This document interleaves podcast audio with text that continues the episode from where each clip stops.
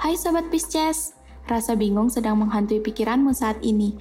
Mungkin karena kamu sedang digantungin oleh beberapa hal yang sedang kamu tunggu-tunggu jawabannya. Di situasi seperti inilah kamu harus melatih diri untuk mengontrol emosi dan kesabaranmu.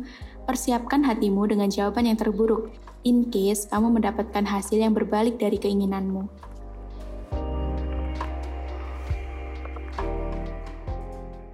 Percintaan untuk sobat Pisces yang masih single. Periode ini merupakan waktu yang tepat untuk kamu mulai kembali membuka hatimu.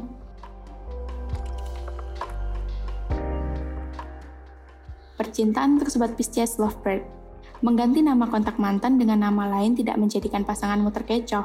Lupa ya kalau kamu punya pasangan anggota Intel.